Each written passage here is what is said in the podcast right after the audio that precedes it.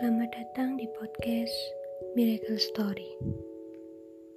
Barengan dengan Cenca di sini yang akan menemani Anda selama beberapa menit ke depan dengan kumpulan kisah nyata tentang karya Tuhan yang luar biasa di dalam hidup ini. Semoga kisah-kisah ini bisa menguatkan para pendengar di mana pun kalian berada. Selamat mendengarkan.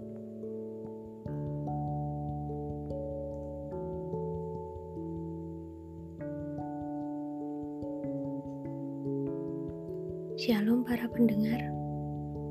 Dalam episode kali ini, saya mau membawakan cerita dari Ibu Arif Wijayanto yang sejak kecil sudah punya riwayat sakit lambung hingga beliau ini sudah dewasa.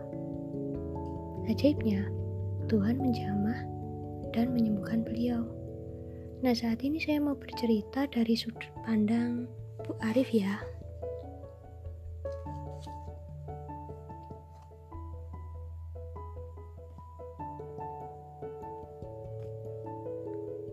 Sedari kecil saya sudah mempunyai riwayat sakit lambung. Hingga dewasa, Tuhan menjamah dan menyembuhkan saya.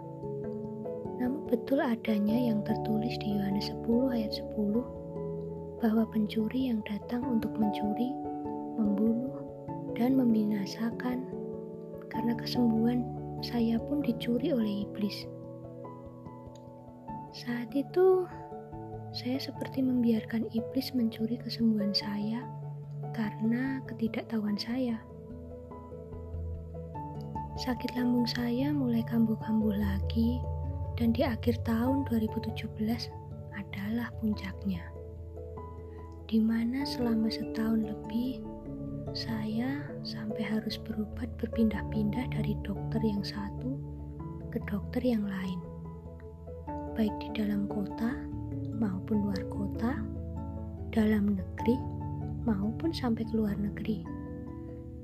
Tapi oleh para dokter pun saya disuruh untuk memakai tiga bantal yang disusun ketika tidur agar posisi badan atas saya itu lebih tinggi biar asam lambungnya nggak naik dan nggak sesak nafas. Gak hanya itu aja sih, saya pun harus menghindari banyak jenis makanan karena larangan makanannya itu banyak sekali. Namun sudah demikian pun masih saja saya belum sembuh. Singkat cerita, pada beberapa bulan terakhir ini, melalui khotbah-khotbah yang disampaikan di gereja saya, saya itu mendapat suatu pembukaan baru bahwa saya pun juga bisa merebut kembali kesembuhan saya. Hingga pada akhir KKR yang lalu, ketika dokter Ani Fernandes sedang akan berkhutbah, beliau tuh tiba-tiba mengatakan bahwa Tuhan akan menyembuhkan orang dengan penyakit hmm, apa ini ya tulisannya U L C E R S Ulcer apalah itu. Susah bacanya. Saya tiba-tiba diingatkan bahwa di obat yang saya minum ada tertulis seperti itu tadi. Lalu saya sadar bahwa itu saya yang dimaksud. Tanpa pikir panjang saya pun cepat-cepat lari ke depan. Saya itu didoakan dan disuruh menguji makan apa yang selama ini tidak bisa saya makan tapi saya berpikir, daripada menguji makanan, mendingan saya coba untuk puasa aja. Karena memang saya itu udah lama banget nggak pernah puasa. Ya, maklumlah karena kondisi kesehatan lambung saya. Dan benar saja sih, saya bisa berpuasa di event do doa puasa 50 hari. Sekalipun hanya dapat 6 hari saja, namun buat saya itu udah termasuk hal yang mustahil loh. Ya, namanya juga sakit lambung. Pasti nggak mungkin lama-lama perut kosong, ya kan? Akan tetapi, iblis juga tidak akan tinggal diam karena dia terus mengintimidasi dan berusaha mencuri lagi kesembuhan saya.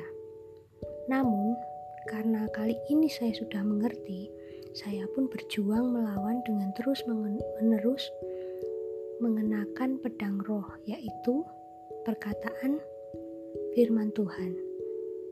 Nah, saya pakai Nahum 1 ayat 9. Apakah maksudmu menentang Tuhan? Ia akan menghabisi sama sekali. Kesengsaraan tidak akan timbul dua kali untuk mengalahkan iblis yang terus menyerang saya seperti singa yang mengaum-ngaum. Dan saya katakan, iblis, apa pun yang saya rasakan dan saya lihat, saya tetap percaya janji Allah lebih dari kenyataan yang ada.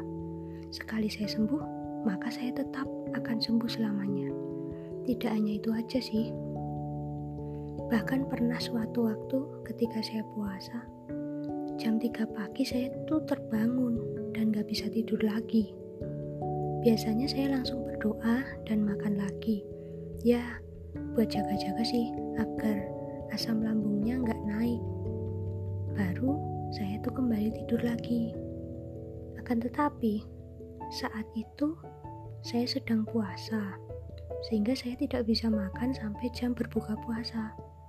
Lalu saya ucapkan firman Tuhan bahwa manusia hidup bukan dari roti saja, tetapi dari setiap firman yang keluar dari mulut Allah. Dilanjutkan dengan saya memakan firman Tuhan lima pasal saat itu. Baru saya kembali tidur lagi dan besoknya saya tetap lanjutkan puasa saya. Puji Tuhan, saya tetap sehat-sehat saja sih. Sungguh terbukti apabila kita tuh mempunyai iman yang kokoh, maka iblis tidak bisa mencuri apa pun dari kita. Dan percayalah bahwa dengan berperang bersama Roh Kudus, maka kita pasti menang. Maka dari itu, saya mengajak saudara sekalian untuk terus membaca dan juga menghafalkan ayat firman Tuhan. Sehingga ketika iblis mengintimidasi dan ingin memperdaya kita, maka kita dapat melawannya dengan firman Tuhan yang merupakan pedang roh dan juga tidak kalah pentingnya mengenai perisai iman. Kita akan dapat mengalahkan iblis. Oke, itu tadi akhir dari cerita kesaksian malam ini. Semoga teman-teman yang ada di luar sana bisa terberkati dengan uh, semua cerita yang saya sampaikan tadi. Oke, saya Cenca. Kali ini saya mau pamit undur diri sejenak. Sampai jumpa di episode selanjutnya dalam podcast Miracle Story. Tuhan Yesus memberkati.